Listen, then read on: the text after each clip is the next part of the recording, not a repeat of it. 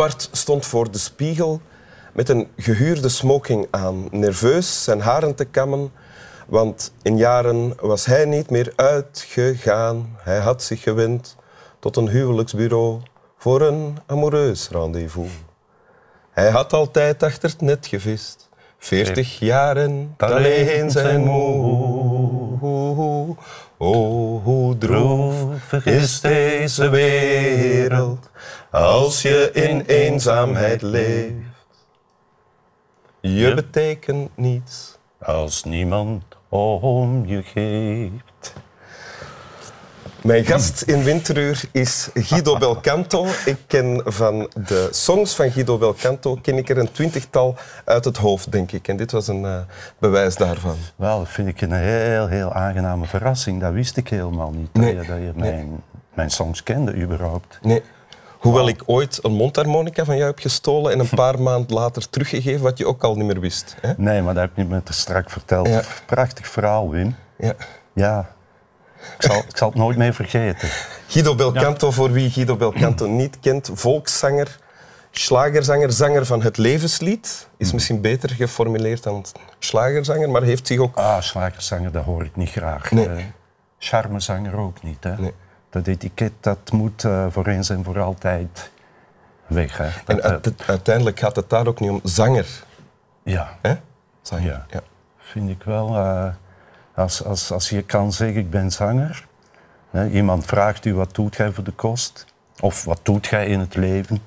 En je kunt zeggen, zanger. Ja, dat vind ik wel fijn. Ja. Moest je, moest je zeggen danser, dat is ook mooi.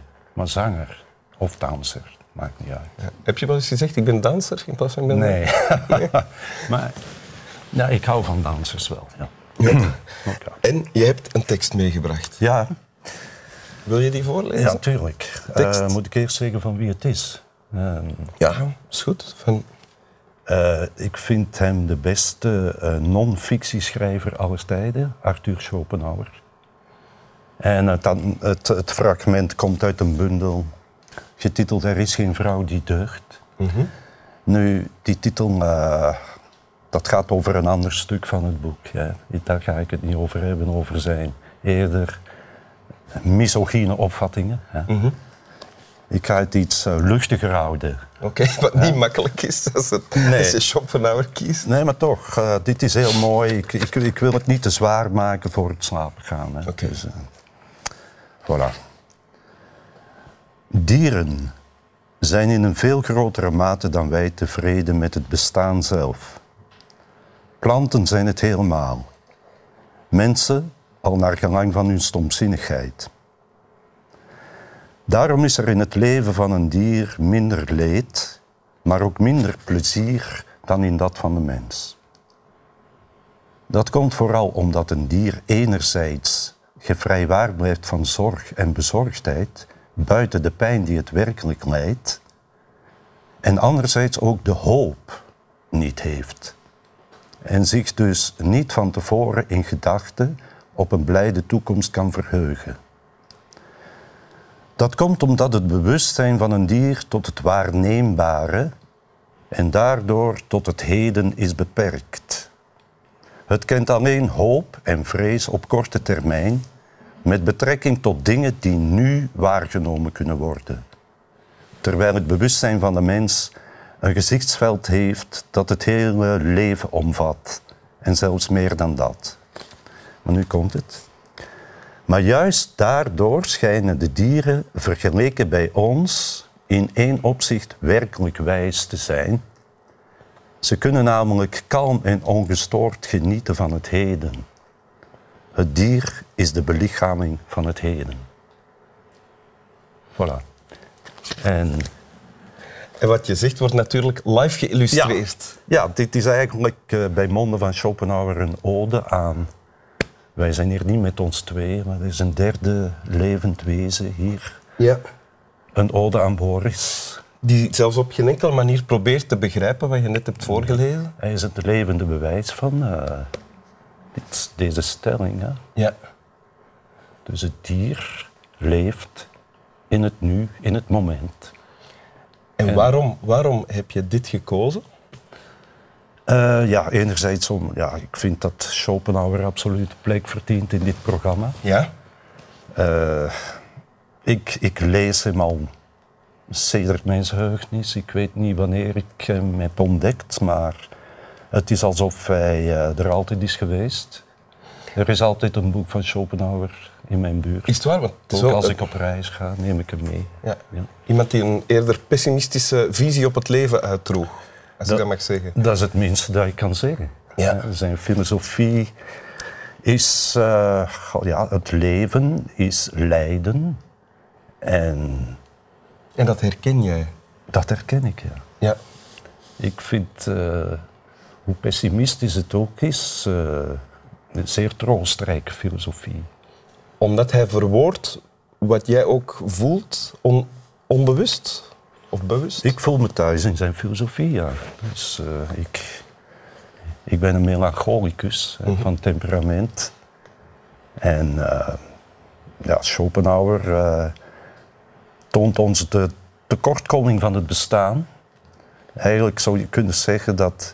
eh, eh, hij heeft zelfs een uitspraak gedaan dat het beter is om niet geboren te zijn. hè. Dat heeft hij ooit gezegd. Nu, dat vind ik, dat gaat te ver voor mij. Omdat als je eenmaal hier bent, schiet je daar niks mee op. hè, Met zo'n uitspraak. Nee, dat klopt, ja. En je leeft wel graag genoeg, toch? Toch wel, ja. Ja, ja. Ik denk het wel, ja. Hij heeft het in deze tekst onder andere over zorgen. Hè? Bezorgd, dat is een vermogen dat wij hebben dat, dat Boris niet heeft, bijvoorbeeld. ja. Ehm, Boris maakt zich geen zorgen. Is dat dan iets dat bijvoorbeeld in jou aanwezig is, nu? Of in de aanloop naar dit moment? Mij zorgen maken. Ja, of bezorgdheid? Het maakt mij nog altijd nerveus om eh, voor een tv-camera te Ja, verschijnen. ja, ja. Ik, ik, eh, ik ben eh, vanmorgen opgestaan en ja, ik kan aan niks anders denken dan van oei, ik moet zelfs op tv komen. Ja, ja. dat neemt mij helemaal in beslag. Ja. Dus dat is een stress. ja. En het valt goed mee hoor. ja? Om hier te Heb je er nu last van op dit moment? Je nu nu ik erover nadenk eh, wel, maar als ik er niet over nadenk niet. Sorry. Nee. nee, ik vind het wel goed. Ja. Maar je, ja, je zit toch altijd met eh, een zorg of zo, van hoe kom ik over? eh, Ja. Hoe ga, ga ik goed uit mijn woorden komen? Hè? Je wil je beste beentje voor ze, je wil je langs de beste kant laten zien. Ja. Dat zijn zorgen. Ja. Een dier maakt zich daar geen zorgen over. Nee, hè? absoluut niet. Ben jij, je bent ook een dier, je hebt ook een hond Gehad. gehad. Ja. ja. ja. Spijtig genoeg niet meer, omdat mijn leven is veel te druk geworden. Ik ben veel te vaak weg van huis, soms eh, dagen na elkaar. Mhm. Ja. En dat is niet verenigbaar met... Nee, eh, nee, dat gaat niet. nee. Ja. En wat gaf die hond jou dan? Ehm, vriendschap, onvoorwaardelijke liefde. Een hond is, eh, is gewoon altijd blij als hij u ziet. Mhm. En hij toont dat. Boris, Boris heeft zijn eigen manier om dat te tonen. dat is ook heel blij dat hij hier is. Volgens mij wel. Ja, hè? Ja. ja. Ik vind het fantastisch. Het is een eh, benijdenswaardig toestand, vind ik. Die dieren hebben en wij niet. Als jij op dit moment kon wisselen met Boris, zou je dan kiezen om, om hier te liggen? Nee, toch niet. Nee? Nee, toch niet.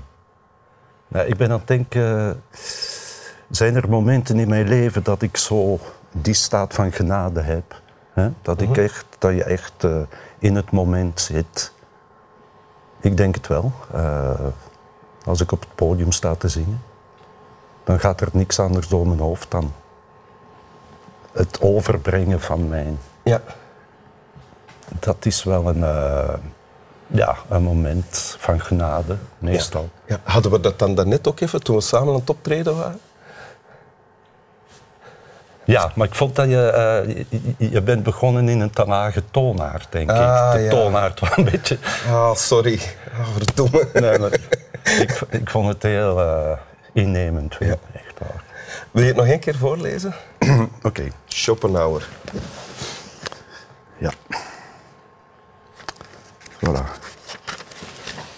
Dieren zijn in een veel grotere mate dan wij tevreden met het bestaan zelf. Planten zijn het helemaal. mensen al naar gelang van hun stomzinnigheid. Daarom is er in het leven van een dier minder leed, maar ook minder plezier dan in dat van de mens. Dat komt vooral omdat een dier enerzijds gevrijwaard blijft van zorg en bezorgdheid, buiten de pijn die het werkelijk lijdt, en anderzijds ook de hoop niet heeft en zich dus niet van tevoren in gedachten op een blijde toekomst kan verheugen. Dat komt omdat het bewustzijn van een dier tot het waarneembare en daardoor tot het heden is beperkt.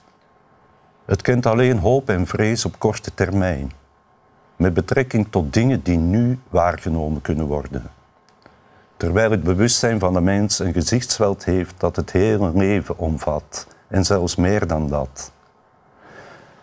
Maar juist daardoor schijnen de dieren, vergeleken bij ons, in één opzicht werkelijk wijs te zijn. Ze kunnen namelijk kalm en ongestoord genieten van het heden. Het dier is de belichaming van het heden. Dank u. Dank u. Slap wel. Dank u.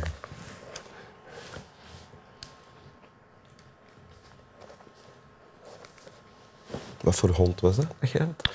Een straathond, een kruising. Zo, zo'n hondje, zo middel, middelgroot. Ja. Tex was zijn, Tex was zijn naam. Tex.